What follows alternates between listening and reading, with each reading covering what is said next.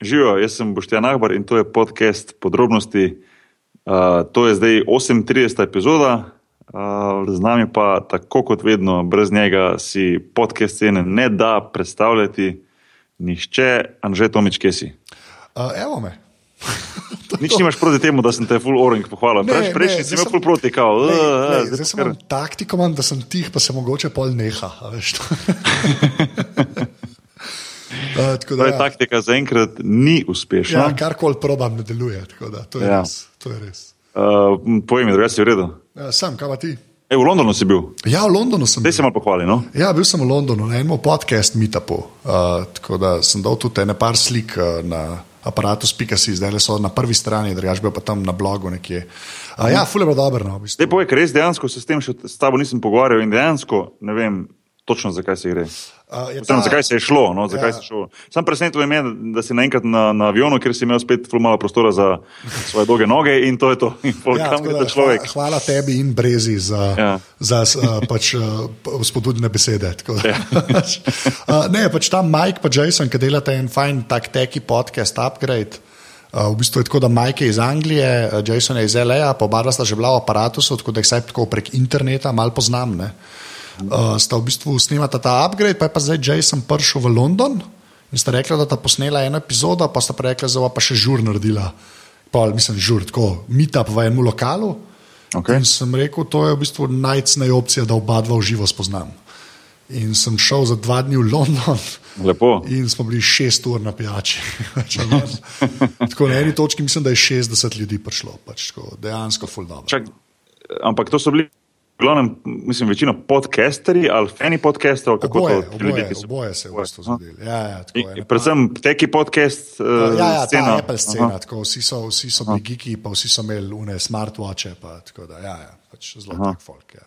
Cool, cool. Se pravi, si ponosno reprezentu mrežo aparatov. Eh, Absolutno. Najbolj smešen je pa, ker je dejansko par ljudi vedel, kdo sem. Ker sem bil pač gost na enem podkastu Clockwise, dvakrat, ki je na tej isti mreži. Ne? Ja? In so tako rekli, hej, ti si polni Slovenije. Veš, kaj, okay, ja, super. Dejansko so vedeli, ja, to Ja, je to, si brez visok ali pod glasu ali Po glasu, so. oni to. en je know your voice, ne, to, to je rekel, veš, kaj, okay. Veš Kaj, veš, kaj je dobro, veš, kaj je dobro, dobro ve- mislim, kaj je res, kaj je res pozitivna stvar tega, vsega tega skupaj. Ne? Da je tvoj glavni trademark ni tvoja višina, ampak je tvoj glas. Ja, pa, no, pa naglasak, ne. Dobro, ajde. Za američane naglasak, ne. Dobro, to je res komaj. Heavy Russian He- accent. Heavy Russian accent, yeah, yes, yes. In Russian Ja. yeah. accent talks to you, ali karkoli so oni joking, ampak ja, ja na to bistvu, ja. Uh, cool, cool. Um, v glavnem, ja, v prejšnji epizodi, v 37. epizodi, ste lahko poslušali um, Weird Zadeve, številka 6, uh, zopet je bil gost, uh, uh, dopisnik za Weird Zadeve, uh, pižama, Hashtag glivice. hashtag Glivice, uh, kjer smo, ja, tudi o Glivicah smo govorili. Um, in, uh, mislim, da so bile, mislim, da so bile dejansko najbolj Zadeve. do zdaj. Ja, jaz, kar se me tiče, najboljše uved zadeve do zdaj. Ja, Tako. uh, sami, tudi sami smo se precej nasmejali, pa tudi po samih ko- komentarjih na, na Twitterju in tako naprej. Vidim, da so, da so tisti, ki so poslušali, uživali v tem. Uh, bomo še naprej delali te vir zadeve. Um, čez približno tri mesece se bo pižama spet oglasil uh, in bomo nadaljevali s to serijo teh uh, vir zadev, ki so se zdaj že kar malo primle. Se mi zdi, da so postali en tak uh, mini začetni znak eh, tega, tega našega podcasta. No. Se absolutno strinjam. Ja, um, pa disclaimer je treba povedati. Ne, ta zadnja epizoda ni za ljudi s šibkim želodcem. Ne, Še enkrat, hashtag glivice. smo- ja. Uh, danes pa, oziroma ne, predna pojem gosta, že admin zadeve. Admin zadeve. Ja, uh, podcast najdete na, uh, seveda na aparatus.si, smo tudi v iTunesih, uh, dajte nam tam kakšno oceno. Uh, Drugač lahko pa celo mrežo tudi podprete, to naredite tako, da greste na aparatus.si slash podpri. In pa ena zelo dobrodošla novost, ne, uh, in to je to, da ta mesec, se pravi v aprilu, imajo in aparatus, in glave, in podrobnosti sponzorja, uh, to je pa podjetje 3FS, uh, njihovo spletno stran najdete na uh, 3fs.si. So res en pač dejansko kul cool firma, ki podpira take zadeve kot je aparatus, pa tudi počrto so podprli uh, ta projekt eh, neodvisnega novinarstva. Tako da gre za neke ljudi, ki vejo, kaj delajo. Tisto, uh, kar. Ljudje, ki, ljudje, ki razumejo, bi jaz tem rekel. No. Ja, ja, legit, legit ljudje. Tako, to, to definitivno. Ja, se to ne. Uh, je pa tako, da pač, uh, sem, sem pač jim rekel, ne dajo par opornih, to, par opornih točk, kaj ne o njih povemo. Ta najbolj zanimivo je to, da imajo pisarniško jogo. To še zdaj ne vem, kaj pomeni, ampak sem obljubil že v aparatu, da bom vprašal in naslednjič mogoče povem, kaj to pomeni. Imajo pisarniško jogo. Ja. Ne, drugač pa tisto, kar je dosti bolj važno, oni pač uh, delajo predvsem s podjetji v tujini, so pa naredili že tudi par uh, podjetij, ki so zdaj ratala samostojna, uh, med njimi je pač Tunija, pa zdaj Triki Tribe, kjer delajo špile, uh, v bistvu mobilne špile. Zdaj se da igrati tega uh, Weaselpacker, ki je res odličen. To ti bom pa pokazal, ker je res dober špil. Okay. Še enkrat, jaz sem full za noč v tem špilu.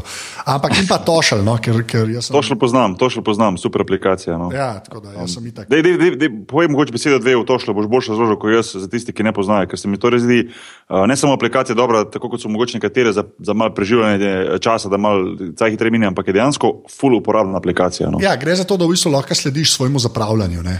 Ja. In potem na koncu meseca in leta malo jokaš, zakaj vse si naredil. Ampak dejansko, ful prav pride, pa lahko si delaš budžete za stvari. Jaz ga imam tako recimo za, za druženje, ki hodim na pijače, pa to ali pa za kosila. Lahko malo nadziraš, v bistvu, uh, koliko zapraviš, to vse z aplikacijo odneseš, potem imajo tudi uh, spletno različico, ki ti malo izriše grafe. No. Dejansko, ko jim to šele v bistvu svoje življenje začel glih pri uh, Trifasaju. No. Tako da res ful hvala Trifosaju, tako bolj hvala, kot uh, hvala reči se skoraj ne da, ampak bom še enkrat rekel hvala. Pa še enkrat uh, njihova spletna stran na trifos.si. Ja. Trifos.si, počekajte tudi moje ime, ful hvala. Um, za, za, za, rekel, za, za sponzorstvo, za pomoč, pa predvsem zato, ker tako sem prej rekel, ker razumete. No. Um, podpreti to našo sceno um, ni mala stvar, vsaj za nas. Je to res uh, poglavitnega pomena, bom rekel, res ogromno pomeni. Uh, poleg tega, da nas ljudje poslušajo in podpirajo, uh, in, in da delijo besedo naprej, za kar se vedno zahvaljujem. Um, tako da, ja, uh, en big thanks. Uh, ko smo bili že pri tem, tudi jaz bi se rad zahvalil vsem poslušalcem, vsem tistim, ki, ki um, podpirate mrežo Apparatus in ta podcast. Uh, veseli smo vseh komentarjev na Twitterju, iTunesih, preko mailov, kakorkoli že. Um, tudi, uh, naprimer, čisto zadnji komentar, ki je bil na, na iTunesih, mi je bil všeč, uh, ko je uh, Uh, poslušalka rekla, če razmišljate o še kakšnem live dogodku, nič bad, pridemo v velikem številu. Anže, bomo delali še kak live dogodek? Kdaj? Ja, jaz sklepam, da polet bo. Ne? Ok, pa pa bo. Ja. Tako da to je to. Da, evo, mislim, da to je to. Ja. to, je to.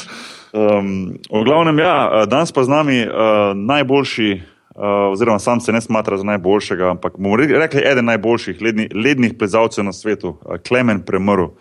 Um, ja, tudi jaz sem bil prvič presenečen, ko sem slišal za to, da obstaja sploh ledno plezanje. Uh, gre za, ledanje, za plezanje po ledenikih, po ledenih gorah, po ledenih jamah, uh, vse posod, kjer ima led, veze zraven. Oni, oziroma on pleza, um, je pa preplezal res že nekaj najbolj uh, najtežjih uh, teh lednih uh, sten oziroma smeri, uh, kako že oni rečejo uh, v njihovem žargonu. Uh, človek, ki je dal kar nekaj skozi, ki ima verjetno marsikakšno zanimivo zgodbo zapovedati uh, in ki bo, uh, verjamem, tako meni in tebi odprl oči uh, v tem športu in vseh teh doživetjih. Tako da, uh, Anže, če smo, če smo povedali vse, lahko zaštartamo počasi, ja. smo pripravljeni. Jože požen. Si, pre, si predpasan? Sam. Ajde, Anže, štarti zadevo.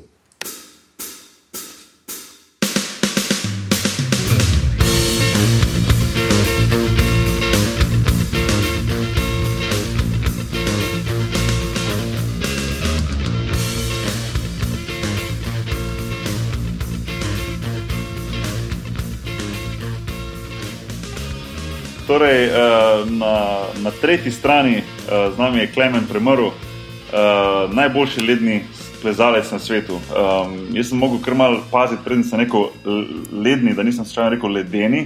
Verjetno ne bi bil prvi, ki bi se, ki bi se zmotil, da bi to rekel. Uh, pa tudi zato, da bi se zmotil, ker moram priznati, da do pred kratkim nisem točno vedel, da sploh obstaja kaj takega, ledni plezalci. Uh, Klemen, če se ne motim, si prepležil že vseh pet trenutno najtežjih lednih ali kombiniranih smeri na svetu. Uh, je to res, to drži? Ja, v bistvu ne. Ker uh, forajo temu, da uh, alpinizem kot tak, pa tudi ledno plezanje v bistvu uh, je zelo težko merljiv. En kup je tukaj teh subjektivnih dejavnikov in uh, tudi v bistvu nikoli ne, preplez, ne preplezaš ocene, ampak zmeraj preplezaš določeno smer. Tudi uh, razmere se lahko spremenjajo. Največ, kar pa tukaj šteje, so pa v bistvu osebna doživetja, pa v bistvu, ko se ti takrat počutiš. To ima veliko večjo težo, kot sama ocena. Mhm. Tehnično so uh, res gotovo najtežje smeri na svetu, ampak da pa tako vehementno lahko trdo, da so pač to najtežje ledne smeri, to pa uh, bi bilo prepotenten. Ja. okay, lahko sem jaz unta glup, pa sam razloži, kaj so smeri. Ja, ja. Hvala, hvala, da si me rešil. Ja, uh, smeri so v bistvu linije, uh, pač čez steno ali pa kjerkoli, ali pa čez uh, leden slab ali pa čez določeno območje. To je v bistvu linija, ki si jo je zamislil prvi plezalec, ki je to določeno smer preplezal. In on se po eni liniji usple, pač in uh, to, je, to je to, to je smer. Uh, zdaj v ledu ker pač let čez poletje zgine, pa to ni fiksnih varoval, ampak se varuje s takimi vijaki, ki se prvijajo, v let in se poj tudi ven vzamejo, v skali pa tudi kakšen kos fiksnih varoval lahko ustane, tako da je to smer lažje najdete. Ampak načeloma je smer določena linija, ki jo je nekdo preplezal pred tabo, ali pa če imaš to srečo, da si ti si pač izbral pa preplezal. Aha, okay. A ja, valjda, ja, ker je leviš to, okay. ja, ja, ja, ker ni več ostane. Ja. Ja, ja. ja, ja. Okay, to... Vse to je tudi en v bistvu čar ledenega plezanja, v bistvu, da je medij, po katerem, se, po katerem mi plezamo, se zmeraj spremenja. In smer je tudi zmeraj malo drugačna stane, pol leta je v bistvu ni. Tako da uh, to je tudi ena, pač, ena stvar, ki nas uleče, v bistvu, en magnet več. Ampak, okay. A, okay, pa to, da ti pač samo si se na led napalil, to drugače ne znam reči. Uh, sklepam, da plezaš pa tudi po ne ledu, aj gas. Ne?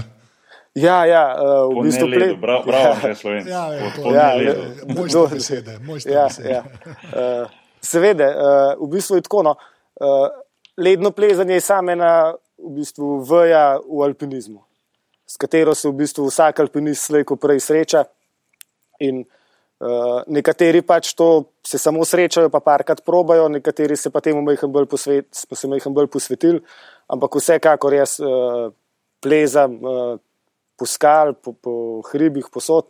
V bistvu je tako, ne se ledu, vsaj če, če ne, mislim, se relativno kar dosti potuje, ampak če sem omejen pač na Slovenijo, je pač leda, ne vem, če ima srečo, tri mesece na leta. Ne. Tako da je uh, ostal čas, pa normalno plezam po skale. Ja. Mhm.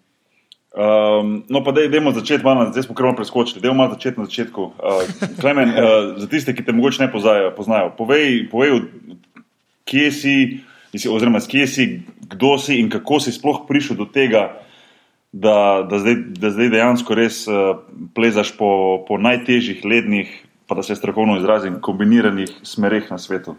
Uh, da malo piši. Ja, noč, jaz sem, evo, Klemen Premrl, uh, prihajam iz Tržiča. In zdaj, mogoče je tudi okolje bil en faktor, da sem se sploh začel s plezanjem ukvarjati.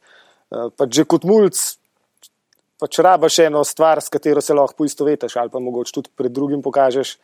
Eni so bolj uspešni v šoli, eni se najdejo v športu, eni v kulturi. Jaz sem bil zmeraj mečkam bolj, uh, mogoče korajžen fant, tako da je bil plezanje kot naročen. Pa še tradicija tukaj je pač ta alpska, ne smučanje, uh, gorništvo. Tako da uh, se mi zdel kar taka naravna izbira. Pa če pa enkrat probaš, pa, pa se veš, če ti zadeve ležijo, te vleče naprej in to je to. Začel no. sem reči, evo, pred 30 leti, tako da uh, je, je, že ne, je že nekaj za mano.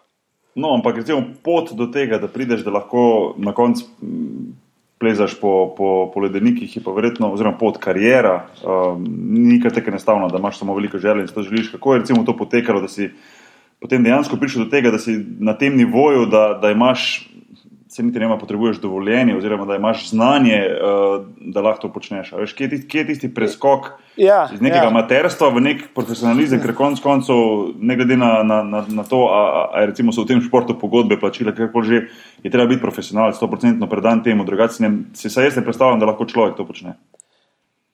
Ja, seveda, pot je nas v alpinizmu, še posebej pa pri ledenem plezanju, uh, je zelo fino, če je postopna. Zato, ker drugač eh, zelo hitro lahko pride do kakšnih napak, ki se v plezanju lahko nekaj bolj žalostno zaključijo. Tako da, uh, kot sem rekel, vsak alpinist se slej ali prej sreča z lednim plezanjem. Zdaj, nekaterim to postane bolj všeč, enim manj. ena taka prelomnica je bila gotovo, ko so bila s prijateljem, v bistvu naj Planinska zveza poslala na eno mednarodno srečanje v Francijo. V bistvu tam smo lahko videla uh, največje mojstre tega športa takrat, ko so nam nekako odprli oči oziroma pokazali, uh, kaj so vse v ledu da početi. Uh, mi dva so bila pač uh, fejs navdušena, pa zdaj tako bi rekel. No, navdušen ali pa tako, kot sprej rekel, treba je biti profesionalc. Jaz mislim, da treba imeti stvari rad, sej v vsakem športu. Če bi to gledal kot eno muko ali pa prav za res kot trening, pa da bi to mogel delati, najbrž noben nikjer ne more doseči njih vrhunskih rezultatov. Treba je pač, uh, to, če to dela z veseljem, je pa to pač pride, slej ali prej. Jaz mislim, če, če si pripravljen v nekaj vlagati, če je to tvoj vesele, če za to živiš, se ni treba, da je to tako profesionalno, ali pa da je služba, ali pa plačila, kako koli. Ampak treba je vlagati in pač pridejo tudi uh, rezultati. Ja, seveda, se brez, brez tega ni. V bistvu, vlagati to, rekati se in pa v bistvu zelo veliko, verjetno podrediti. Vsemu, vsemu temu, da lahko potem to počneš. Sej, sej brez tega, se mi zdi, da v katerem koli športu govorimo, ja, ja. Uh, ni, ni uspehu, oziroma ni, ne dosežeš tistega, kar bi si človek sam zaželel. Jaz, jaz mislim, da ne samo v športu, posod v življenju je pač tako zelo. Če stvari delaš zato, ker jih moraš, pač lahko prideš nekam, če jih pa počneš zato, ker jih imaš rad, če jih delaš z veseljem, pa lahko pač dosežeš res tisti maksimum, kjer, kjerkoli. Uh mhm. -huh. Uh, no, zdaj, če sem prej rekel, da začnemo na začetku, pa dajmo zdaj malo govoriti o koncu. Pred kratkim si se vrnil iz Islandije. Uh, ja, ja. Pa sem, pa sem jih zasledil na tvojem Facebooku eno nevrjetno kul cool sliko.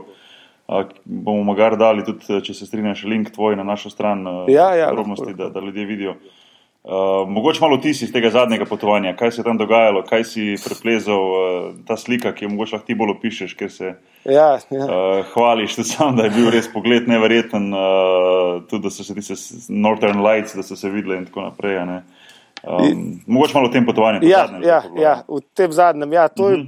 je. Uh, sej, v bistvu to je bila ena taka dogodivščina, se sploh ne vem, kako naj to opišem. No.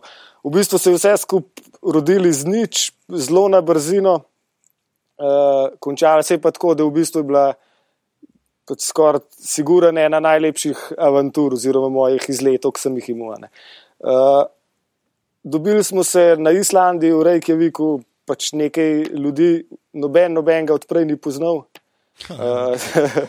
Uh, da, in... Sam, a, a, ni to malo, mislim, že tu se sliši malo nevarno, da greš v bistvu plezati ledenike z nekom, ki ga prej ne poznaš. Mislim, to pol, mora pa biti neko res ja, zaupanje ja. znotraj te, teh, teh ljudi, se, ja, teh športnikov, ja. kako bi temu rekel. Ne? Se v bistvu je tako, no, da nismo se poznali osebno, poznali smo po, ra, v bistvu smo prezna, poznali delo en drugega. Ja, ja, ja, ja. pač, to je bil en projekt uh, fotografa uh, ki je pač hotel narediti eno zgodbo v ledu. Zraven se je pojavila ena firma, ki je hotela to posneti, da bojo naredili en tak uh, film v bistvu o tem fotografu.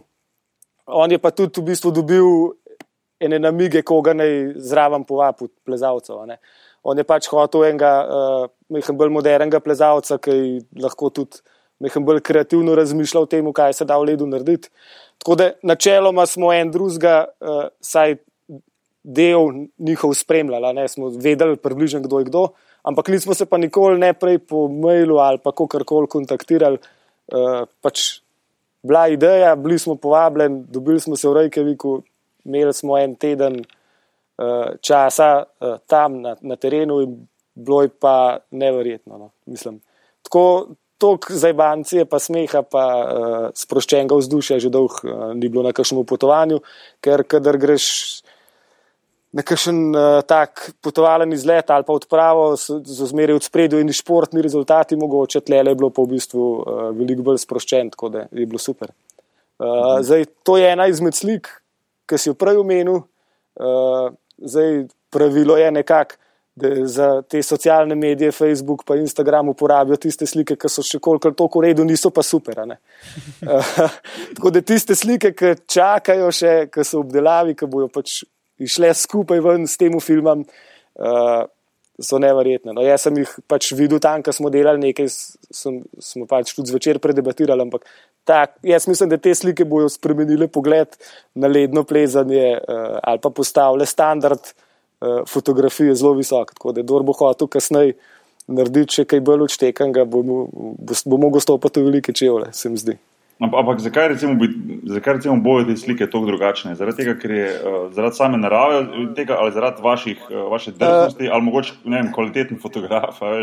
Ja, vse, vse skupaj. Jaz mislim, Aha. da, uh, da je tlele je šlo za tudi en tak intern joke, ki je bil dol, uh, ki smo ga imeli. V bistvu noben ni točno vedel, kaj bomo uspeli narediti, imeli smo ine ideje, ampak ta fotograf je zmeraj rekel, ko smo se tako zvečer debatirali, rekel, lej, če daš vem, pet, deset talentiranih ljudi na kup, ki imajo motivacijo, ni važno, kakšen je vreme, ni važno, kakšne so razmere. Siguren bomo nekaj dobrega naredili. Uh, ja, tako da tle, nismo se prav veliko sekirali, uh, pač bili smo tam, uh, vse nam je šlo na roko. Uh, imeli smo pač idejo, kaj bomo naredili, in vse v bistvu smo realizirali.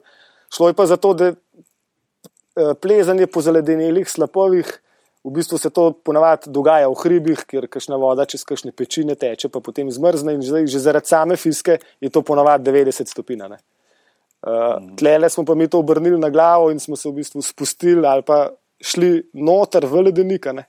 in plezali po pač ledenih jamah, po kristalnih jamah. Uh, tako da vem, lahko preplezaš 50-metrsko streho, v bistvu vodo, kot bi plezal po stropu, no? sam da je strop let. Ja, in, in, in to je to. in to je to. In zdaj ta svetloba, ki pač pride skozi uh, tale, uh, a ne na vrh je strop, še više gor je sonce, ki skozi sije in noter so te barve, pač modre, svetlo modre, bele in to se vse nekaj meša. Uh, tako da je že sam ambient super. In, uh, pa pa še izreden fotograf, ta Tim Kempel, ki je to delal, jaz mislim, da pa ne sam jaz, večina ljudi zdaj misli oziroma ga smatra za top fotografa, kar se tiče outdoor produkcije na svetu. Ja, to je res. Uh, bo, bo, bo lepo videti, če že se ja, te ja. slike, ki je zdaj na Facebooku. Um, a že poslal sem ti, da boš lahko pogledal, kje je ta slika, da ne boš eh, imaš v zapiskih noter, da boš videl. Odlično, boš šel kar klika zdaj. Ja, ja tis, da, boš, da boš vedel, o čem govorimo. Čem, uh, ima, res kul slika. No. Ja, to je to.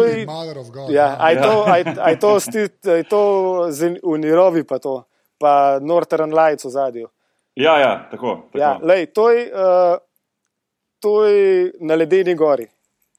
To je v ledenem rovu, v ledeni gori, na ledenem otoku. Tud, to je bil pa naslednji jok. Ice caves, ice holes, icebergs in Iceland. uh, tako da v bistvu ta slika je narejena na ledeni gori, v ledeni gori v bistvu. Uh, v zadju so pa pač uh, Aurora, oziroma ja, Aurora Borealis. In, uh, lej, tole mi smo delali že cel dan, smo bili v kol, prišli smo tam, ne, mislim, da ob desetih zvečer smo naredili večerjo, spili dva viskija. Smo vam postavili fotoaparat, ker aurore ne vidiš tako s prostim očesom, kuj, ki se začne. Dali ekspozicijo vem, na 30 sekund, pogledali na ekran, ufak, dogaja mm -hmm. se. Smo se napravili, usedeli v avto, smo se na uro vozili smo šli čez celo laguno, v bistvu po zamrznenemu, po, po zamrznenemu morju do ledene gore in skoraj do zjutraj pač tam fotkali. Ampak nobenemu ni bilo težko, vsi pač vsi ja, smo živeli. To je dejansko čez noč posneto. Ja, ja, prav, ja. To je bilo recimo zvečer ali pa mislim prav. Ne, to je, to je ob treh zjutraj. Ja, ja, ja. ja. Uh, sam, nekaj si rekel prej, da se ne da tega videti s prostim očesom. Da, ne, kar se začne. Aha, ko se začne. Ko, se, ko ti v bistvu težko vidiš, a bo, a ne bo, zdaj ne sme biti oblačen, dobro, to že poraja, ta še so zvezde, a niso. Mm -hmm. Ampak eh, težko predvidiš, a bo, a se bo z tistega kraja, ki si pač videl, ne vidiš vsak večer. Mm -hmm. Najlažje je v bistvu, da daš en fotoaparat, pa nadaljš ekspozicijo, na, na, naštimaš, več svetlobe zajameš. Uh, načeloma je pa tako, ko se pojavi, je bolj uh, pač slabo viden, pa pa pač ta intenziteta rase in na koncu v bistvu se vidi pa tudi s prostim očesom. Takole, tako da pač meni je bilo nekaj najlepšega stati na vrh ledene gore in gledati se, severni sile. Ne, se to, ja. mislim, da si jaz, tisti, ki poslušajo podcast, vejo, da, da sem jaz mal tak space nad, pa tudi tam ženi do zadnji, ampak uh, ti si pa dejansko prvi, s katerim se pogovarjam, ko je to, to videl. No. Um, Pa je res Ja, ja, slišati, da je res, da je res tako impresionantno, kot uh, Ja, pač beremo mislim- o tem. a Ne? Se, mislim, da verjetno ti ne more ne narediti pravice, to, ko pogledaš kak posnetek na netu ali pa na televiziji, verjetno uživo dejansko doživeti to, te barve in to velikosti čez nekaj drugega. Ne? Teh, Ja, jaz, severnih sijev. le, jaz Ja. sem uh, na severu že kar dosti plezal, mislim, da sem bil ne petkrat, že na Norveškem, pa to precej daleč uh, gor za polarnim krogom. Pa uh, jo nisem videl, razen ne vem, na zadnjem utripu, zadnji dan, mečken. In sem si rekel, fuk, mislim, to, kar sem bil že gor, pa še nisem tega videl, pa skozi sem mu to želel. Tle, je bila, tle pa mislim, da smo jo imeli glihene. Od sedmih večerov smo jo petkrat gledali. Pa, pač tudi petkrat smo zaradi tega nismo šli spat, smo šli ven, ven pa slikali. No, tako da- valjda, ker si enkrat tam. Ne? Ja, ja, mislim, tudi tako je bilo. Ne, a veš, se si smatram, pa gor pa dol, ampak pa pomisliš, pizda, daj, mislim, daj bom pa naslednjič. Ali pa kjer koli na svet bi vprašal, mislim, kjer koli normalnega na svet bi vprašal, bi vstal ob štirih zjutraj pa šel to gledati. ne. Zdaj ti si pa tam, boš pa valjda šel. No, sam, recimo, ko si rekel, ja, vse je malo utrujen, pa se to po noči, ampak ali ni, ko greš plezati eno, eno ledeno, ledenik, ne vem, ledeno goro, ledeno jamo, kakorkoli že, ali ni tu, tu mora biti kar dost, mislim, ogromno koncentracije, vseeno prisotno, pa fizične moči pa tako.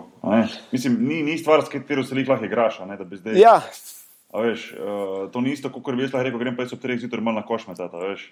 Tu, Uh, tu se debe nič na naredu, razen če bo komu ja, ja, žoga ja, na glavo ja. ja. padla, ampak pri, v tvojem športu je pa to malo drugače. Ne?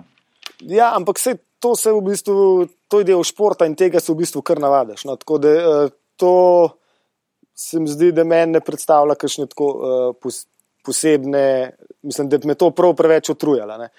Uh, navajen smo, da pa tudi narava športa, mislim, kjerkoli šport, ki je povezan uh, z nevarnostjo, te pripelje do tega, da si v bistvu zelo fokusiran.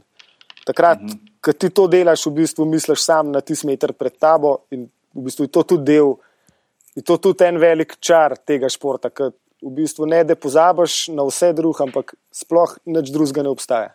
-hmm. Takrat, ko plezeš, ne obstaja nič drugega. Tudi za to Auroro pač se moraš, moraš priti na vrh ali pa moraš priti nekam na eno polico, eh, pa se vdahniti, pa okol pogledati, pa jo vidiš. a ne. Med- Takrat, ko plezeš, pač tega ne moreš opaziti. a ne. Ampak, Ja. ampak a, a, pa, a je to že cel cajt tako, da si mal uh, pozabil na, bomo rekli, temu strah, sem že skoraj hotel reči trema. se mi zdi, da po mojem to ni ta prava beseda. Ja, ja. Tako, mislim, a je, tako pač z, z rutino rata to, ali kako, kako je s tem? Mislim, veš, od začetka, ne, zdaj ja, lahko ja. nazaj pogledaš. Ne? Uh, pri alpinizmu, oziroma pri ledenemu plezanju, je v bistvu bolj prisoten strah kot pa trema. Zdaj, zdaj jaz sem uh, nekaj časa nazaj, sem tudi uh, nekaj dirkal, uh, to led, svetovno pokal v lednem plezanju. In takrat sem majhen sodeloval tudi s profesorjem Tušakom, Tuškom, uh, ker smo to tremo majhen brzdali. Uh, dočim pri samih usponih ali pa pri klasičnem plezanju je pa bolj strah. Ampak se z leti se navadiš uh, nekako to pač mehen bolj realno uh, dojemati. Je pa strah za alpinista dobra stvar, ker kadar te, kadar te ni več strah, ali je pač prelahko in ne počneš tistega, kar bi lahko počel. Uh, mehen straha pa mora biti tako, da pač ne pozabiš uh, biti previden, pa, da imaš to pač v glavu, da uh, so napake lahko ne mislim, vedno usodne, ampak da so lahko mehen bolj usodne. No, a, a pa si bil, a pa si bil uh, kdaj uh, v situaciji, da je, da je zagustilo? A veš, kaj rečem, nekaj nekaj drugače rekel, da je, da je bilo uno, a veš.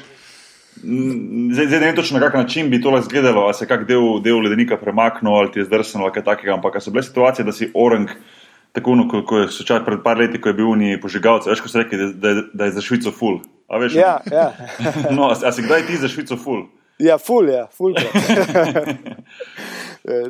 to je pač del športa. Uh, in vse se dosti ponavlja, ampak spet, to je tudi čar tega. Ne? Ker če bi vse lahko naprej predvidel, po vse nevarnosti v mislu, pa jih odpravil, bi bilo v bistvu brez veze. ne. Pa se uh, jaz s tem ne pokvarjal najbrž.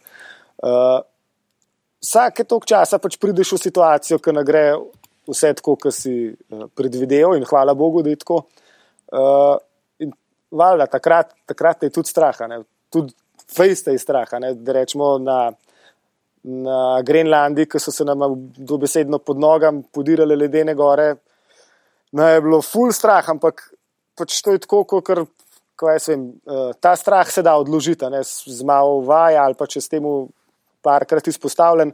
Uh, ta strah lahko odložiš tako, da v tistem trenutku še zmeraj lahko uh, nekako funkcioniraš, da ne narediš kujne traparije. Tako, ja.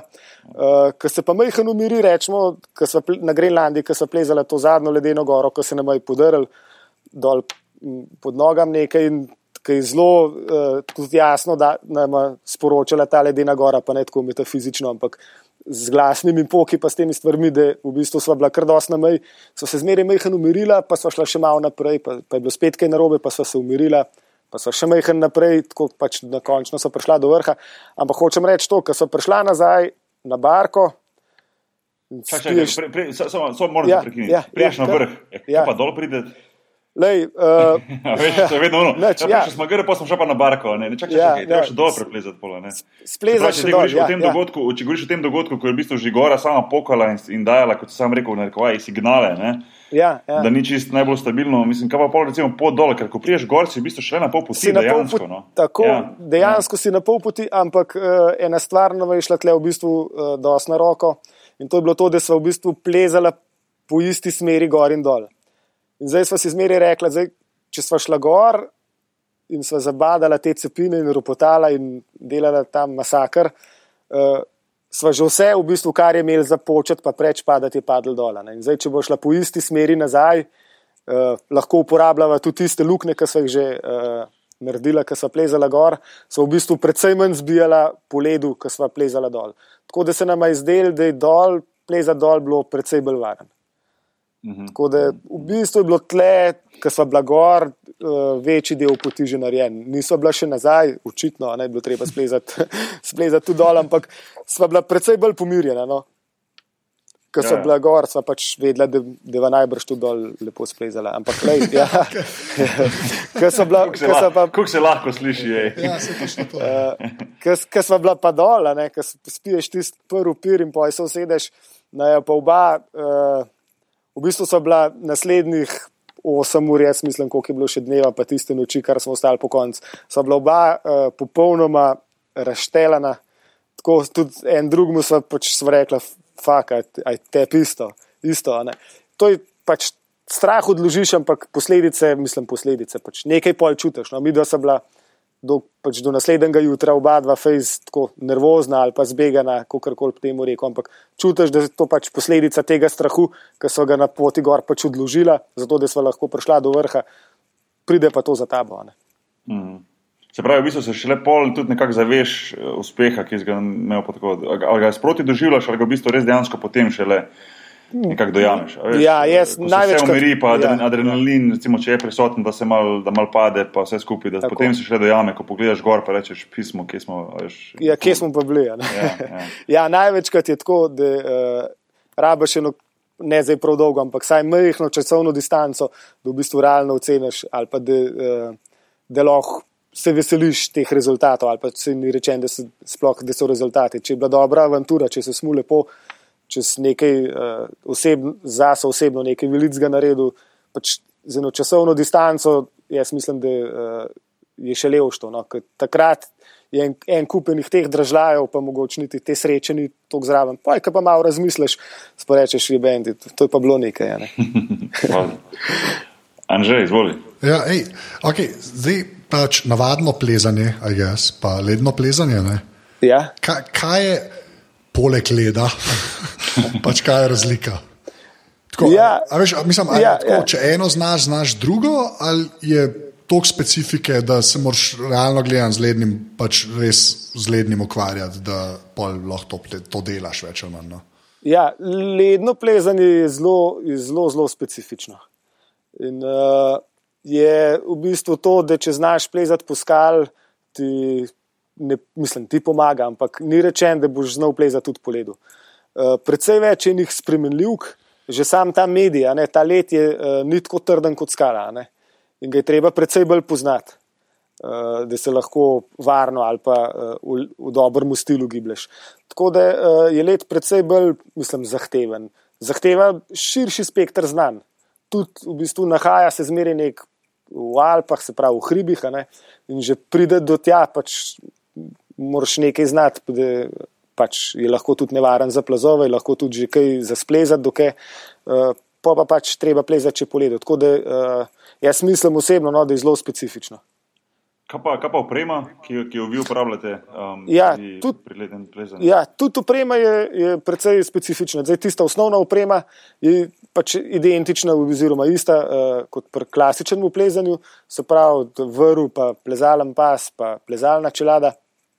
Za samo uspenjanje, zdaj v skalu uporabljamo roke, pa se z rokami prijemamo za uprimke v skali, za let se pa ne moreš prijeti, in tudi stopati ne moreš kar tako, in rabaš posebno upremo, to so cepini, pa dereze, ki so tudi uh, za ledno plezanje prav posebej uh, prilagojena. Se pravi, za, za alpinizem so mehko bolj taki splošni, spini pa dereze.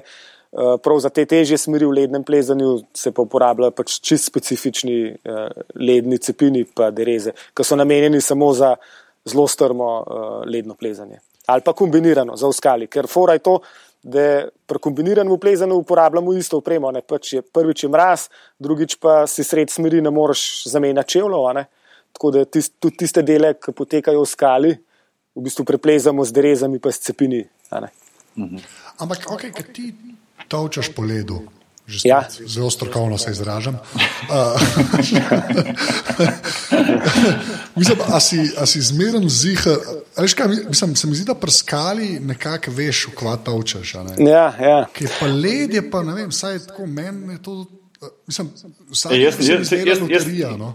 jaz si isto razmišljal, lehkar anže. Veš, kot da bi ja. udaril en, en zamah više in potem bi celo steno odlomil. Cel, ja. Veš, ja. ja. Mislim, Zdaj, a, a si lahko, mislim, zdaj pa je že tako, mislim, ok, te povej, no, sploh ne vem, v bistvu. Ja, ja, vaša, ja. Ampak, ja. Lej, sej, v osnovi tako, ne, uh, ko začneš, ali pa če se mi začnemo pogovarjati, pač mehen la, v lažjih smerih. In takrat uh, pač zdaj, nevarnost, da bo kar vse skup dol padel, uh, v bistvu ne obstaja, ne.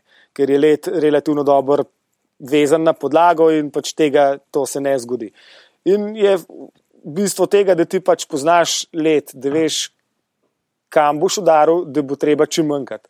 Ker če ti s cepinom kar naslepo tovčeš nekam, se zna zgoditi, da boš najprej malo odlomil, pa boš rabo ne desetkrat udariti, da boš dobu, uh, da se bo cepin tako prijel za ti sled, pač da bo varno. Če pa veš, kam je treba udariti, se pravi, da imaš mehan izkušen, imaš pa z malo sreče lahko z enim udarcem zadevo rešeno. In če cepin dobro zasadiš, uh, potem je to relativno varno. In, uh, in, in to verjetno tudi čutiš, ko v bistvu ja, to, to čutiš in to vidiš, in uh, tle, kakšne velike dileme ni, če cepin v redu, zapičen v let. Potem ne bo kar vam padel pod težo enega plezalca, ne? in je pač samo še napaka plezalca. In uh, je plezanje po ledu v takih smerih relativno varno, če človek ve, kaj dela. Imáš cepin prav prevezan za, na roko, ja, tam, če ga zgubiš, ja. če, če ga zgubiš, eh, enega ali pa oba, pa si kar konc. Si malo v zosu. Ja. Ja. Uh, takole, v klasičnem alpinizmu uh, je mogoče še zdaj navada, da je cepin prevezan na pas ali pa celo na roko. In tako je bilo tudi pri ledenemu plezanju še deset let nazaj. Uh, zdaj, ko se je pa leden plezan nekaj bolj razvil, Uh, smo pa začeli plezati tako, da cepinov nimamo nikamor več prevezanih. Zdaj ne me zabava. Uh, ja, ampak tlej, to je tako, se pač ga ne vržeš. To je, pa, to je stvar, ki jo ne spusti, ki, ki ti ne sme dol ja, pasti. Okay, ja, cool, a veš. Mislim, kaj pa če, a veš. Ja, lej, še zmeraj so, so reze, še zmeraj ti en spin ustane. Uh, zdaj, če najhujše, lahko tudi na tisti cepin prtneš, lahko zavrtaš en leden vijak, pa se v leden vijak prtneš, pa se pač spustiš dol. Sej ni rečen, da bo cela drama iz tega. Ampak jaz zelo mislim, da plezam brez paščkov, oziroma da imam spine kamorkoli prevezane. 15 let pa sem ga uspel samo enkrat vrš dol. Uh, pa tudi takrat ni bilo nič čudga, pač sem, se, sem zavrtel in vijak, pa sem se prepel, pa sem šel dol, pa na pir, pa to je bilo to. Okay. Uh, ja. uh, zdaj, ko si rekel, da se je ta šport kar razvil, kako pa je ta šport razvit, oziroma koliko je tu teh uh, tekmovalcev, športnikov, kako že. Veš, mislim, Ja, vem, ja. da bo, vem, da, vem, da bo težko zdaj reči, da jih je pa ne vem, 3282, ne pričakujem Ja, ja, številke, cic, ampak ja, vseeno, cic. recimo, pre, mogoče primerjavi za plezanje, ampak recimo, koliko je velika ta, ta skupnost teh lednih plesalcev, eh, plesalcev, ple, plezalcev. Lednih A plesalcev. Ja. ja. Čeprav na nek način res ste plesalci po svojem, no, pleže- plešete gor po gorah. Zdaj tako, v zadnjih 15 ali pa 20 letih se je eh, šport zelo razvil, tudi sama tehnika plezanja, tudi nove discipline, rečemo ledno plezanje, pa imamo ta kombinirano plezanje, pa imamo tekmovanja na raznih nivojih do pač svetovnega pokala oziroma eh, pa svetovnih prvenstv pa tako naprej eh, in je pritegnil kar velik eh, novih športnikov, ampak še zmeraj pa, če gledaš na, na sprot športnega plezanja ali pa na, na sprot klasičnega alpinizma, nas je pa precej manj. Zdaj, v kakršnih koli cifrah, jaz zelo ne, ne morem govoriti. Se, je, se razvija, ampak še zmeraj uh, smo pač manjš, manjša grupa v sklopu alpinizma ali pa gorništva. In tudi verjetno ni medijsko tako pokrito, kot pa. Ja, se na splošno je alpinizem relativno slabo pokrit, zdaj v Sloveniji imamo mogoče malo večjo tradicijo, pa uh, se malo večkrat sliši od naših alpinistih. Ampak lej, to se dogaja v bistvu proč od ljudi, proč, proč stran od medijev, tako da uh, načeloma je medijsko slabo pokritno. Tudi tisti, ki se s tekmovanji ukvarjajo, uh, se, od njih se nasliši kaj dost. Tudi rečemo z lastnih izkušenj,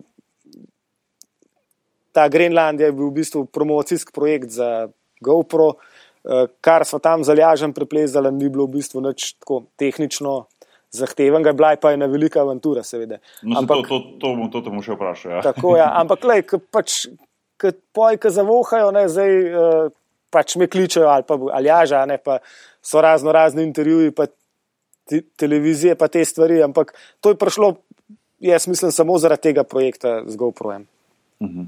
Kje države pa so tu še bolj v vrhu uh, lednega plezanja? Ja, v, uh, zdaj tako. Verjetno, verjetno bo bolj znani odgovori, ampak vseeno me zanima. No. Ja. Znani, pričakovani. No. Ja. Ja, v, v Evropi imamo, rečemo, so Švicari, pa Francozi, rečemo od spredu, najbolj še Francozi, najbrž, pa Kanačani. Uh, Kanada je nekako. Kanada Uh, se mi bolj klasično ja, sliši. je nekako zibelka, zibelka lednega plezanja. No. Ja. Uh, tudi tam so v bistvu. Skoraj zmeraj se zgodi, da se tam pomikajo moje naprej. Uh, tako da Kanada je najbrž še na vele sila. Pa smo pa tle, Evropa, pač ta alpski del, uh, to je pa to. Uh, tam, rečemo na Norveškem, ki imajo zelo dobre pogoje, je pač je pa toliko malo ljudi, ne pa toliko manj plezalcev, tako da ni ne vem, kakšnega velikega preboja. Okay, zdaj pa recimo, ko, ko, kako pa zgleda ena, ena taka, oziroma ne, bom, na začetku bom, bom vprašal začetka, kako zgleda recimo priprave na en, na en tak podvig? Oziroma, kdo, kdo, zbe, kdo zbere, kako zbereš, kam se bo šlo, kaj se bo preplezalo, a veš, kako se, to, kako se naredi ta odločitev, pa kako se potem na to pripravi. a ne? Ker Ja, ja. Verjetno ni to, kar čez, čez noč, zdaj pa gremo, ali je to v bistvu dosta impulzno vse skupaj. Ja, četrtka na nedelo. Ja, Ja, ja, uh, ja zdaj čisto odvisen. Zdaj, če, če govorimo o teh najtežjih smereh, ki smo jih parali, pa kao najtežjih smereh, o katerih smo na začetku že nekaj rekli. Ne. To so bili pač projekti, ki so bili mehko bolj uh, dolgoročno zastavljeni. Tudi že sam podatek, da smo to, da smo čez celo steno preplezali, rabili tri leta v bistvu. To niso stvari, ki se zgodijo čez noč. Za take stvari se pač eh, čistko uh, tudi iz športnega vidika uh, treba mehen bolj pripraviti. In uh, pač je treba narediti plan treningov in nekako tudi uh, potem trenirati.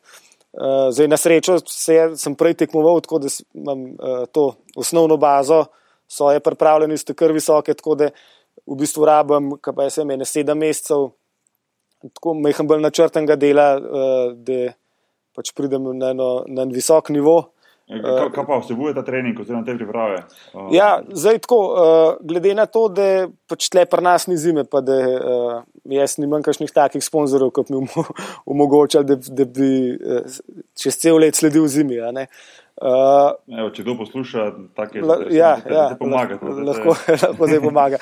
Ampak, lej, ful, ful mi je dober, dobra fraza, mi je sledil zimi. To, ja, ja, to, to, všeč, pač. to, sem, to sem enkrat, po mojem, na, pr, na, na prvo odpravo, ko sem šel v Kanado, sem na vlaku srečal enega tipa in je bil snowboarder in se reka, vprašala, kaj pa ti, ki si šel v Kanado, ne bilo sred zime. Rekel, jaz sledim zimi, ne, že cel let. uh, no, v bistvu je tako. Uh, ker po ledu plezam že kar nekaj cajt, pa glede na to, da sem tudi tek, bil tekmoval, tekmovalec, uh, imam samo tehniko že kar uh, na dosti visokem nivoju. Tako da v bistvu se uh, večina mojega treninga je pač čisto sama fizična, uh, sam fizičen nivo pripravljenosti. In pač čisto kot vsak športnik, pač na začetku so pač vaje za absolutno moč, pa za moč. Uh, pa pa skozi bolj uh, moč vzdržljivost, pa na koncu uh, konc sama vzdržljivost. In to lahko pač treniram, tlele zelo blizu na Ljubelju, ima eno tako, en tak privisen del skale, po katerem lahko s cepini trenirava, pa plezava.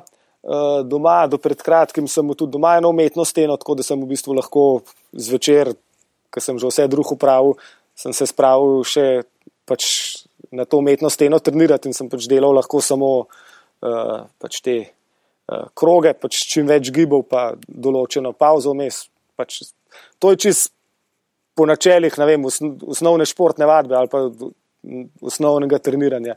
Ni tle nobene, kakšne velike znanosti bilo zraven. Uh, pač, kaj, pa, kaj pa recimo nabiranje kondicije? To skozi to nabereš, a moš posebej še pol težko, uh, pa ne vem, kolesariti, ja. karkoli. Veš, da se pravi za kondicija, kondicija nabereš. Kondicija, da, kondicija. Zdaj, uh, na teh zadnjih projektih ta kondicija ni bila, niti ni bila tako pomembna, da bi bil prav, ne vem, kakšen visok nivo uh, kondicije. Seveda rabaš, zato da sploh lahko uh, vso moč izkoristiš, rabaš biti fitane.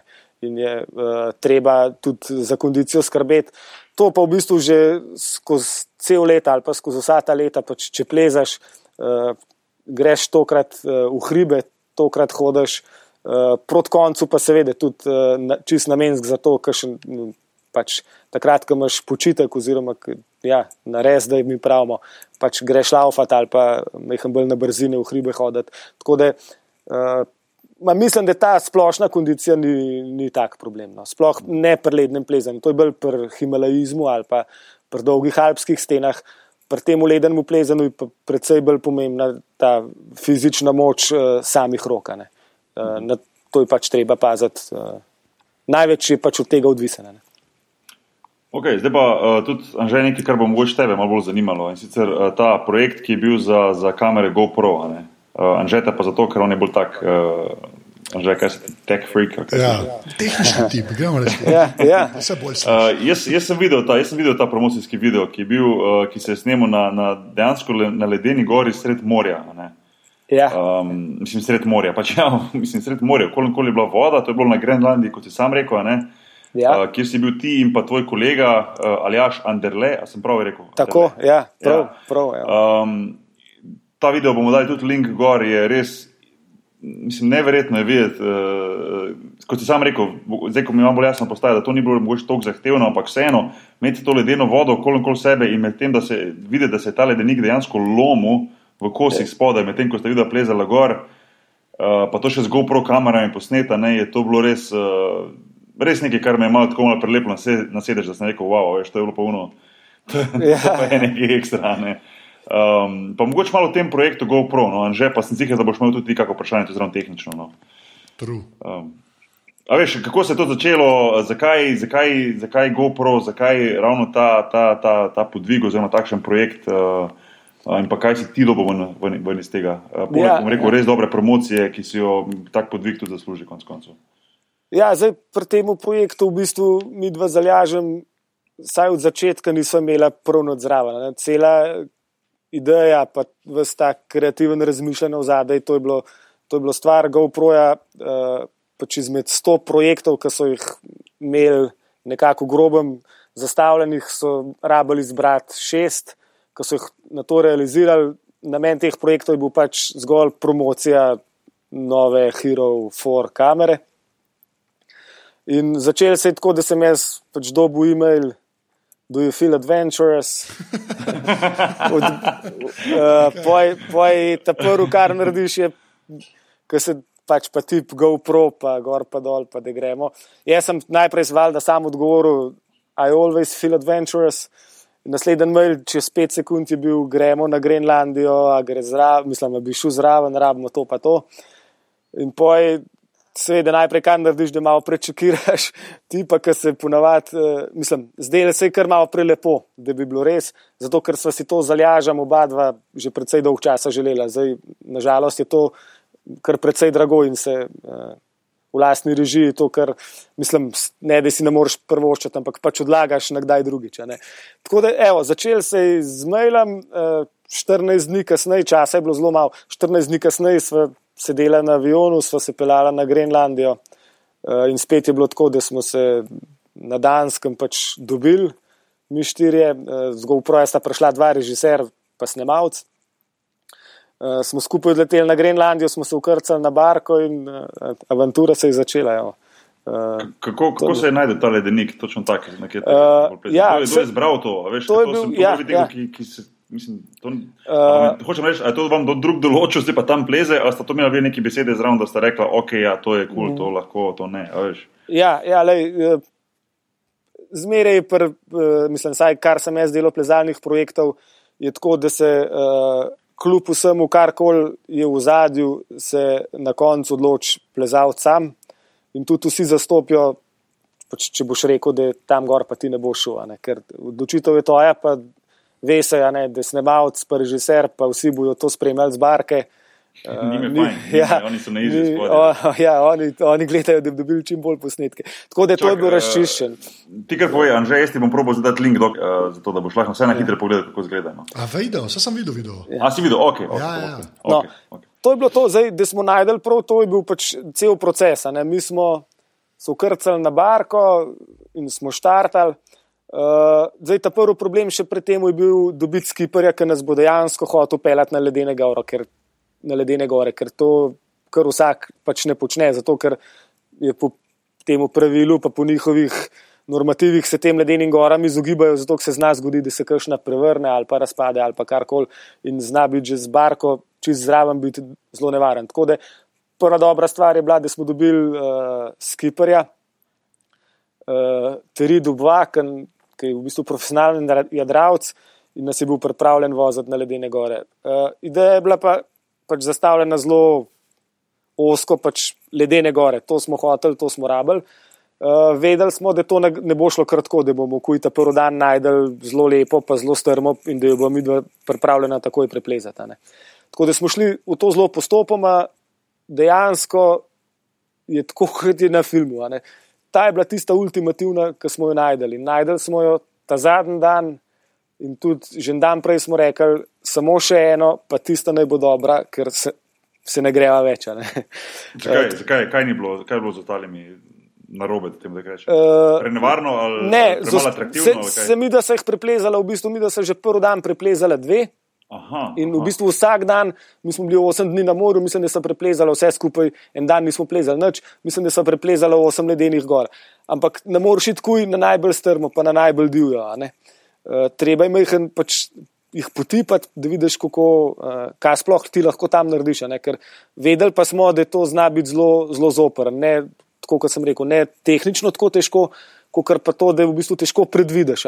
Vedeli smo, da se podirajo, vedeli smo, da se lahko brez kakršnega koli razloga obrnejo uh, in ne moreš karkuj napaliti pa na ta prvo.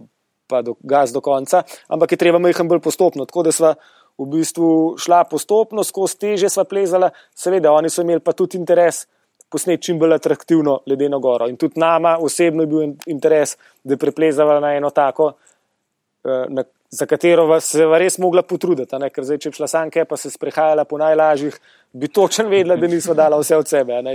ne bi bila niti midva zadovoljna. Ne? Tako da, lej, mi smo pluli, v veliko pomoč nam je bil skipper, ki ima kar nekaj znanja. Uh, odločitev na začetku, kjer smo šli sploh pogledati, ker jih je zelo velika, ne, je bila kolektivna, se pravi tista, ki je bila všeč režiserju, pa snemalcu, pa nama, pa še da je skipr na shodu sploh kaj pelet. Uh, na koncu se pa pač mi dva zalažam sama odločila, pač, a bo res zašla plezati nava in če sva rekla ja, smo se pripravili in sva šla in sva splezala. kakšno so pa tudi rekla, da ne, ali pa uh, ne po tisti steni, ki so oni hoteli, da preplezava. Ampak lej, na koncu je spadal super, zadnji dan, zadnja ledena gora, najvišja, mislim, deleč najvišja, ta je bila visoka 70 metrov. To pomeni, da je najbrž 200 metrov dol pod morjem, morje je bil globok 200-300 metrov. Da, uh, Koliko časa, koliko časa potem ste potrebovali, da ste v bistvu prišli do gor, ker video je nekje dobrih 10 minut? Ja, mi dva sva rabila za, iz barke do barke, se pravi gor in dol, sva rabila več kot pa uro pa pol. Ja, okay. ja, ker to je, zdaj, če je vse lepo in prav, če je let mehak, če se ta ledena gora neč naprtožuje, potem lahko plezaš relativno hitro. Uh, ampak to, to se nam je zgodilo samo enkrat, da, da, na, da, se, ni, da se ni preveč pritožvala.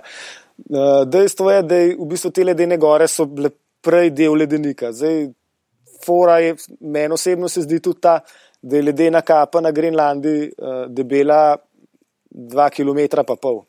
Ja, in ti sled, ki tam nastane, je potem tako gromozanskim pritiskom, da mi sploh uh, ne, v bistvu ne znamo predstavljati. Ja, to, to in, ja. in to sem, sem gledal neko, neke, uh, zaprnemo, sem poslušal podcast o tem, sem gledal ja, ja.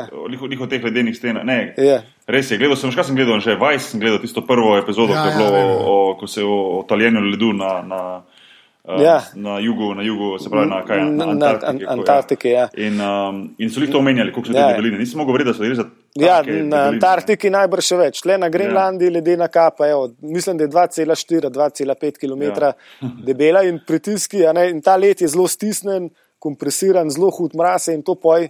Pač kakšne pride... temperature so tu, kakšne, kakšne, na splošno, kakšne, v kakšnih temperaturah vidva plezati, oziroma ti plezaš? Kaj, ja. Samo težko predstavljati. Ja, ja, Koliko zdaj... kol, kol minusa tu žge, po domače rečeno? No? Zdaj tako. ne, je, je, je. Lej, najbolj, najboljši je, če ga ni, oziroma ga je čist malo. Takrat je najlažji, pa najlepši plezati po ledu. Aha. En tak intern pravil, uh, ki ga ima dosti tistih, ki se jih bolj resno z lednim plezanjem ukvarjamo, je rečemo, da je do minus 20. Uh, nekako plezamo. Ker je enkrat bolj mraz, kot minus 20, prvič postane zelo neugoden, že tako, ker tebe zebe, pa tudi pač prsti. Eh, a veš, vedeti moraš, da če je strmo, pa težko ne moreš imeti ne vem koliko debelih rukavic. Ne. Načeloma plezamo v zelo tankih rukavicah in potem, potem brata res preveč mraz. Uh, pa še zelo nevaren postane, ker let bolj kaj trd, bolj je krhak. Nima, ni več uh, plastičen, uh, in se zelo lom in je zelo krhk in tudi te sveče, eh, dosti ljudi misli, bolje je mraz, bolje. Veliko sveč pade uh, dol, glih takrat, ko se zelo uhladi. Uh, te, te sveče, ki visijo. Ja, ja, ja razumem. Že hotel sem te vprašati, koliko je največ minusa, kar si doživel? A veš, tak, da, da je bilo, ja, recimo, vem, da si zadihal, da si doživel. No. Hvala pa vem, ne vem, po moje, kvaj je 15, ko sem jih doživel, več aha, pa ne. ne. Jaz, ja, največ, sej... jaz največ v Rusiji, ko sem bil, je bilo minus 26 enkrat. Ja, pa vem, ja. da ko sem stopil ven, da je to. Je kar nekaj. Stopiš toplega, je orang, orang uh, šok za telo. No. Ko ja. dihaš čisti hladen zrak. Ne. To je preplezano, pa veš, je to en, en časoven interval, ki je malo daljši. Zdaj, prvič, ja. če treba priti pod steno, ti že to lahko dve ure vzame pa pa plezaš in še to, ne, to je tak uh, stop and go šport. V bistvu plezaš en raztežaj, se pravi, a ne smer je lahko precej dolga. Ti imaš pa vrhu 50 metrov in potem teh 50 metrov splezaš, takrat se fajn ogreješ, po možnosti še se prepotiš, ne, tako da si malo mokr. Poj, kar sledi temu, je pa približno eno, uro, eno urno čakanje. Ne ampak to ne na pločniku, ampak pač v navpični steni, ki so prevezanke eh, in se ne moreš premikati. In to je najhujše, ne v bistvu čakati, zdaj tojega soplezalca, da prepleza do tebe, pa da potem prepleza še naslednjih 50 metrov in to je z lahkoto eno uro ali pa eno uro pa po. V bistvu ti na, na mestu ja. čakaš. Ne? In v bistvu te takrat začne zebst, in pa se je zelo težko ugret, uh, pač, da sploh lahko fun mislim, funkcionira. Se že plezaš, sam noč ne uživaš. Ne? Zdaj, ja kaj pa nam je poj plezanje, če ne uživamo in zato pač imamo en tak pravil, da nekje do minus 20, pa že to je tako. No. Najbolj fajn je tam, pri minus 5, uh, je, najbolj, je najbolj ugodno. Štekam, ja. Anže, te še kaj zanima v zvezi z GoPro-jem? Ne, v bistvu, v bistvu, ja, v bistvu, mislim, sklepam, pač, okay, če ste bili za Hero ta štiri. Ja, ja. Ampak Apol v bistvu, kako, mislim, a snemaš ti pol, ali ne, ker sem ta video gledal, pa je tako, nekaj imaš pač ti na glavi, ker je Ja, ja, GoPro, ja. ne. Ampak koliko je, veš, mislim, Ja, koliko to paste, jaz sploh ne znam, veš, koliko veš, kva si dejansko posnel, ker sem s tem, vsake, če sem te GoPro imel, je bilo tako, Ja, ja, ja. ti imaš, pa pa snemaš. pa pa, sne- ja, ja. Ja. To, je, to je pač am- amaterska fora, ne, Ja, na, to, na, ja. na katero vsi pademo. Pač imaš kamero in poj, kar snemaš, in poj, posnetki umrejo na hard disku. Ker ker jih je to, da jih ne moreš porabiti. Ne. Zdaj, uh, zdaj uh, meni je bilo to uh, zelo interesantno. Ne. Mi smo, v bistvu, kadarkoli smo šli plezati, je rolal zraven od najmanj sedem kamer do deset, rečemo. Oh, wow, okay. In je bilo to pržgan non-stop. Zdaj, včasih sem imela pa čas, ali pa so nam probali zabičati, ali pa naj pripričati, da bi vmes, če ne drugega, saj objektiv spucala ali pa kakšen setting zamenjala. Ampak lej, oni so profesionalci ne, in uh, so pač se že mogli prebiti skozi te, skozi te posnetke, zato mi je to del službe. Nam pač, če sem amater, se pa ni treba in to umre. Mi smo snemali, se pravi, mi da sem imela na čeladi dve kameri, eno naprej, eno nazaj, imela sva ta česti, se pravi, to čez prsa, Ja. eno kamero, se pravi, je tretja, imela sva eno ponavadi na čevlju, četrta, imela sva še kakšno na spinu, je bila peta, z dvem kamerami je snimal z barke, z eno kamero je pa snimal z drona. Tako da in, poj, in če je to trajalo uro, pa poj to, poj ne vem, deset kamer, poj to to kur materijala, ampak pač oni so se mogli skozi to prebiti pa izbrati tisto, kar jih je zanimalo. ne. Normalno. A ja, tudi dron so imeli zraven. Da... Ja, ja, zdaj dejstvo je, da smo mi vse posneli, uh, z, se pravi, s GoPro, iz Hero 3 pa 4. Zdaj, glede na to, da je štirka dejansko sploh še ni bilo vzun, smo imeli samo, mislim, da je pet prototipov od, štir, od štirke, ne? tako da smo posneli lahko tudi ta uh, HD, ne 4K posnetke. Uh, večin, mislim, da sta imela sabo 50 kamer, od tega jih je bilo 5 Hero 4. In, lej, snemali smo pa z vsem. No. Zmeraj so bile pač te štirke, zato ker so rabili to kvalitetne posnetke. Uh, mislim, da ne vem, koliko terabajtov tega materijala smo posneli. Ampak jaz se s tem nisem obremenil, jaz sem pržgal kamero, ker sem štartal. In tudi tako je bilo, da je tudi. Uh, Odvisen, koliko, je bila, koliko se nam je zdela ledena gora zahtevna. Nisva zmeraj pristala na to, da bi imela uh, kamere na cepinih, a ne, ker naj je to motil. Tudi na glav, tudi na glav nisva hotela imeti, uh, a ne lahko imaš kamero direkt na čelado, mislim, skoraj na- direkt na čelado prepeto, lahko imaš pa te malo podaljške, kot ne žerjave, ki dobiš majhen bolj kot, ampak te v bistvu uvira pri plezanju. In zdaj, če se nam je zdelo, da bo bolj piknik, sva dala, uh, sva dala tudi kakšen ta žerjav ali pa kakšen drug uh, ta pripomoček, da so te kamere majhen bolj štrlele. Uh, kadar je šlo pa za res, pa pač dala na, na čelado od spred pa vzad, pa na prsa eno kamero, uh, mogoče na nogo in to je bilo to. Super. Ne, eh, res eh, izjemno, izjemno zanimivo posnetek. Ja, jaz mislim, da te zdravna, ne, te posnetki, Zelo kul, cool, zelo kul. Cool. uh, sineri v bistvu. Meni, meni, je najbolj to, meni je najbolj to bilo, poleg tega, da sta videla dejansko to preplezala, mi je najbolj, bilo, najbolj padlo v oči to, da se res občuti, da je to bilo res dejansko sred morja. Ne, da se, da Ja, se, da ja, se ta ja. ledenik giba, da, da se spodaj vidi morje, ki udarja v ledenik, eh, deli Ja, ja, v ledenika, ki se bistvu, odlomijo. ne, mislim, valovi, je bu, valovi butajo v ledene Tako, gore. tako. V bistvu zdaj, uh, zelo zanimivo je to, ker se ne vem. Uh, jaz drugače nimam kakšnih večjih izkušenj z jadranjem, ampak slišal pa sem pač, da ljudje, ki jadrajo, pa poj pridejo na kopno, imajo občutek, da se jim krši vse malo maje. ne. Zato, ker se tam na barki skozi malo maje, pa se ta sistem za ravnotežje mečken na to prilagodi. In v bistvu smo mi dva, ki smo na vsak leden gor, ki smo na vrh stala, nismo vedela, se zdaj, fak, a se zares maje, a se sam nama zdi, ne, ker se nam je zdelo, kar da gre tako malo z valovi. a ne. Ja, ja. In v bistvu pojdo, ker smo pa res stopili z barke, pa ker smo greš tam v baru, ki še manjš prostor, v WC rečemo, pa kar not loviš ravnoteže, pa se spomniš, v bistvu se najbrž ledena gora ni dejansko majala. Zato to so to glomazne stvari, da en, te manjši valovi jih ne morejo premikati. Ampak občutek na vrh je pa, kot da se v bistvu maje. No. Sej, v bistvu še bolj ne. Ja, ja, ja. Je pa tudi to, mene fasciniralo, v bistvu ledeno goro, ki res plava. Ne, ki, Ja, ja. Ja, Jaz, ja. po eni strani sem tudi dosta tako estetski, ne da sem jaz slep, ampak zelo imam rad estetske stvari, pa gledam, me tudi to pri plezanju zelo uh, motivira. In v bistvu ta kontrast teh ledenih gor, ki v bistvu so čist bele, pa morje, ki deluje skoraj črna. V bistvu Ja, ja. Zelo velik kontrast, pa pa še v- agregatno stanje, v bistvu čist kontra. Ne. Tako da uh, je bilo super. No. Tudi estetsko, zelo, mislim, zelo lep se se vidi pač teh posnetkov, da je ja, res nekaj ne, posebnega. Vsi, ki- poslušate, uh, pogledajte si ta link, ki bo zraven v, v, na, na internetni strani od podrobnosti. Uh, uh, se splača pogledati. Video je nekaj, če je skoraj 14 minut dolg, ampak je, je si vredno vzeti teh 14 minut in če ne drugega, skozi ta video malo podoživeti to, kar Klemen govori.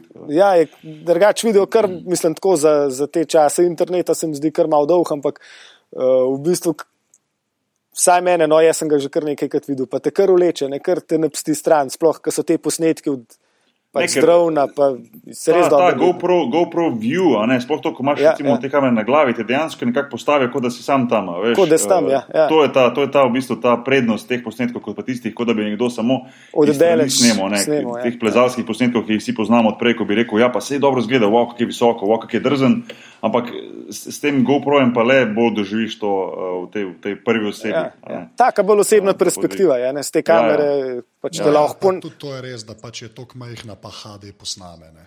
Ja, Ja, Prej je ja. bilo to to pa, zmeram, je to pa tek frik iz tebe zdaj govori. a ne. To pa to, ja. Ja, to ampak a veš, HD Ja, ja, ja. je tukaj res važen. Ne, a veš, Je to res, da je pol res, tudi je res, Led je res. zgleda 17 krat. Ja, boljše, ne. ja, ja, ja. Je res. je ja, razlika. sigurno. Ja. Uh, Klemen, to te moram še vprašati. Uh, Vse mogoče že skozi cel podcast omenil, ampak vseeno, če lahko na hitro poveš, kaj je tebi glavna motivacija tu zraven? Poleg teh lepih občutkov, pa tega, kaj je tebi motivacija, da si zjutraj vstaneš in rečeš, danes grem pa ple, plezati ledenik? Eh, Glavna motivacija. No? Ja, pismo, eh, se, sem že kar nekajkrat zdaj to vprašal, pa sem pa večkrat bolj razmišljal. Ampak kaj pa jaz vem, jaz, eh, ma jaz mislim, da lej, življenje sam po sebi, če ne najdeš nekaj, nima kakšnega velikega smisla. Zdaj, da padeš v eno rutino, uh, pa da pač sam živiš tako, kot mi- kot drugi mislijo, da moraš živeti, mislim, da, uh, da ni najbolj v redu. Uh, in je fajn, če si najdeš nekaj, za kar lahko misliš, da si bil poslan, ali pa za kar misliš, da te res leži. In poj to počneš.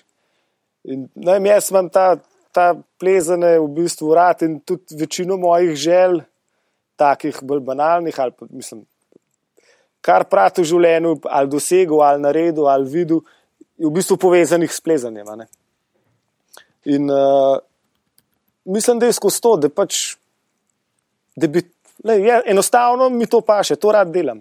Sploh, jaz sploh ne razmišljam, da rabim kakšno motivacijo za to, da, da No, grem. se to je že dosti velik Ja, razlog. ja, ne. Če, ja. če, če rad delaš, se mislim- uživaš, sej- sej to je v bistvu Pač, najpomembnejše. ja, ne, se sej- to, ja, to. Karkoli v življenju počneš, se mi zdi, da če ni- nimaš tistega res pristnega, pristne, pa da uporabim besedo, da nimaš te ljubezni do tega. Ja, veš, ja. Politik je za manj, oziroma je nepomembno, oziroma je, ni, ni pravega užitka zraven. Ja. Tako Da, Je- ne, ne, ti čisto razumem in Mislim, odgovor da je to to. čisto Ja. v redu, ne. Ja, mislim, da je to ja. to.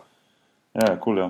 Um, povej mi, ko, ko ne plezaš, kaj delaš? Kako, mislim, Ja, kaj, a veš, kaj dela za adrenalin? da ste- ja, kako, kako, ker se, jaz, jaz, jaz sicer te ne poznam, ampak si predstavljam, da nisi tip, ki bi doma uh, sedel po par mesecev na kavču pa gledal futbol ali pa neko. Ja, ja. Ne, Neko, ne. neko, neko, neko uh, uno jahanje ali pa ne vem, uh, svetovno prvenstvo. Jahanje, res, res, to bo ta predlog. Okay. Ja. Ali pa svetovno, ali pa svetovno prvenstvo v dres- dresuri psov. tako da daj, Ja, ja, povej, ne. no, kaj. Zdaj, kar se, kar se televizije tiče, pa, eh, pa športa, me res v bistvu mora biti že kar uh, svetovno prvenstvo, pa reprezentanca, pa take stvari, da, eh, da ima tega kolektivnega duha, uh, da, se, da se spravim kaj gledati.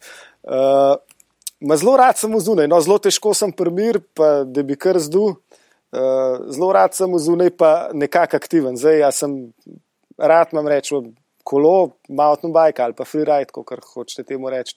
Zelo rad tudi veslam. Uh, pač treba je hoditi tudi v službo, tudi zato gre nekaj časa. Uh, je pa tako zdaj zadnje par let, imam tudi dva majhna mulca, tako da uh, se tudi s tem mal uh, fokus pa želje spremenijo, tako da tudi pač s familijo uh, mi je zelo v veselje pač, uh, čas z njimi preživljati. Tako da, uh, lej, No, pa, no, kakšen- to, ko si rekel, omenil Ja. družino, pa to, to sem Ja. hotel prej vprašati, pa sem pozabil. Recimo, kako pa tvoji najbližji gledajo, družina, prijatelji na to, da, kar ti počneš? V bistvu, uh, normalno športnik je, ampak je le šport, kjer je določeno, določena določena, kako rekel, temu, vsota nevarnosti prisotna. Ne? Ja, ja. Mera v nevarnosti vedno prisotna. Kako tvoji gledajo na to? Mislim, podpirajo čist brez problema. Aha, ne vem, a ti gre pa zdaj spet plezati ali je to Ja, v ja. bistvu uno, da je zelo veliko strahu prisotnega.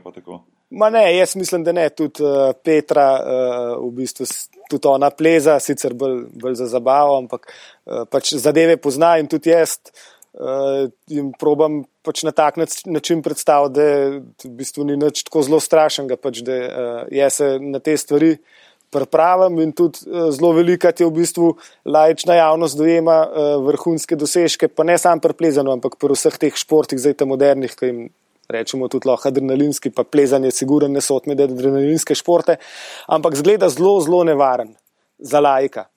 Ampak on, lajki si tudi ne znajo predstavljati, uh, koliko smo mi v to vložili prej, preden smo se tega sploh lotili. ne. Sploh pri plezanju je zelo veliko energije vloženo, vložiš v bistvu v ta risk management, pa v te stvari. ne. Zadeve načeloma zelo dobro poznamo.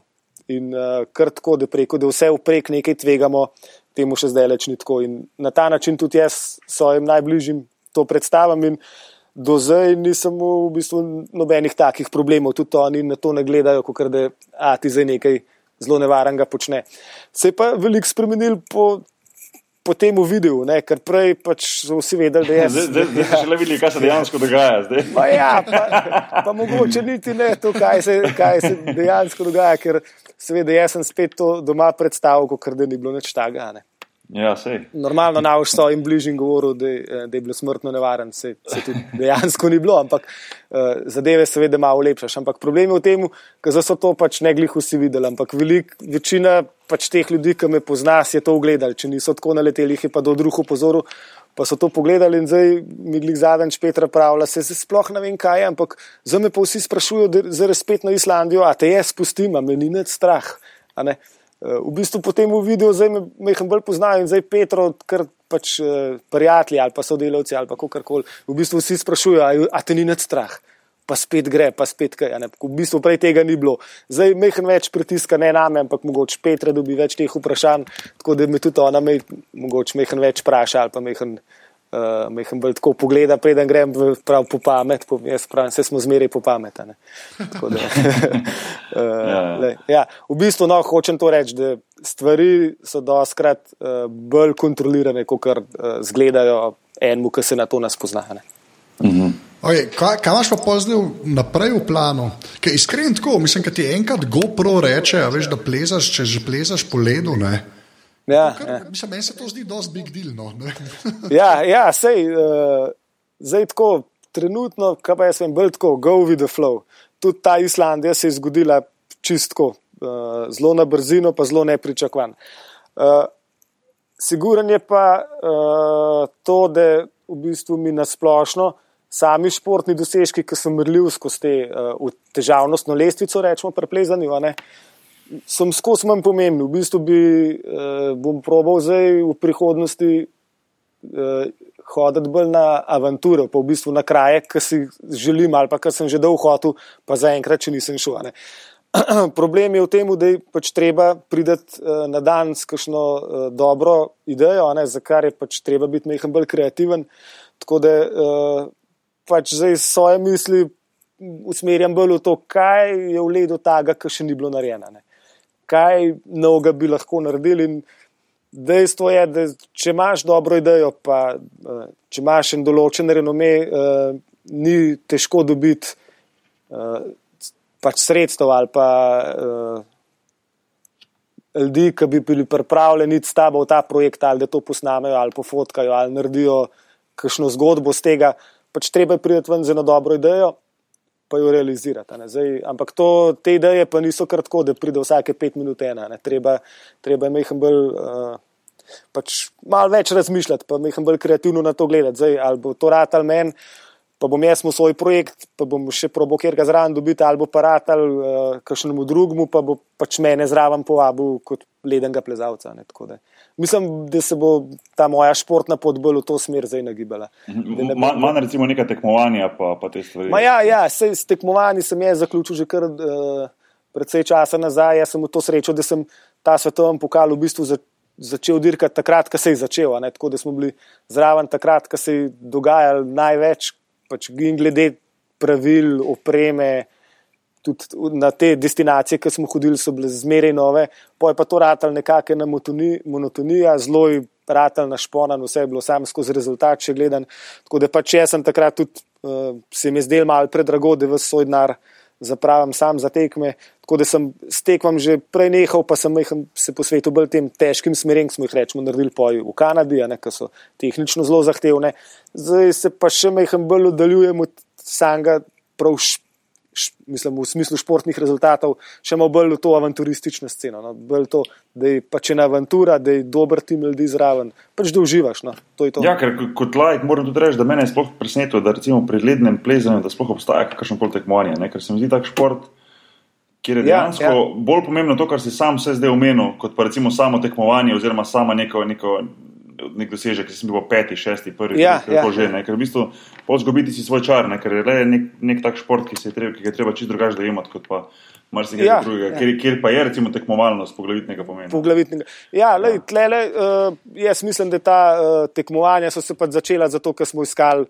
Pač vedno ene nove oblike, kako lahko to delali. Ne? Ena izmed teh so sigurno tekmovanja, ki imajo svoj čar, ampak uh, pa, niso pa blizu tistim osnovnim načelom alpinizma ali pa ledenega plezanja, ki je predvsem avantura, pa osebna doživetja.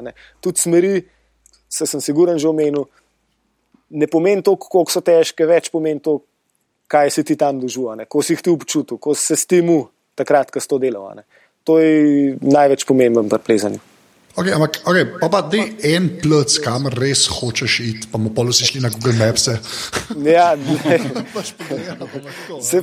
Zdaj ja, sem prav uh, uh, na mrtvi točki. Zdaj, v bistvu sem bil v, v enem letu na treh placih, ki sem si hotel, ki sem si cel življenje hotel iti. Oh, to je bila pač ta Kanada, ki smo plezali te težke smeri, Grenlandija, želja iz ranega otroštva pa Islandija, v kateri sem se tudi že zadnjih pet let z velikim velik prijatelji pogovarjal, pa smo si delali plane. Evo, to se mi je zgodilo v roku manj kot enega leta, tako da sem zelo krmal, uh, v bistvu, kaj pa je trenutno brez idej. No, tudi če me kdo vpraša, kam praču, kaj pa vem.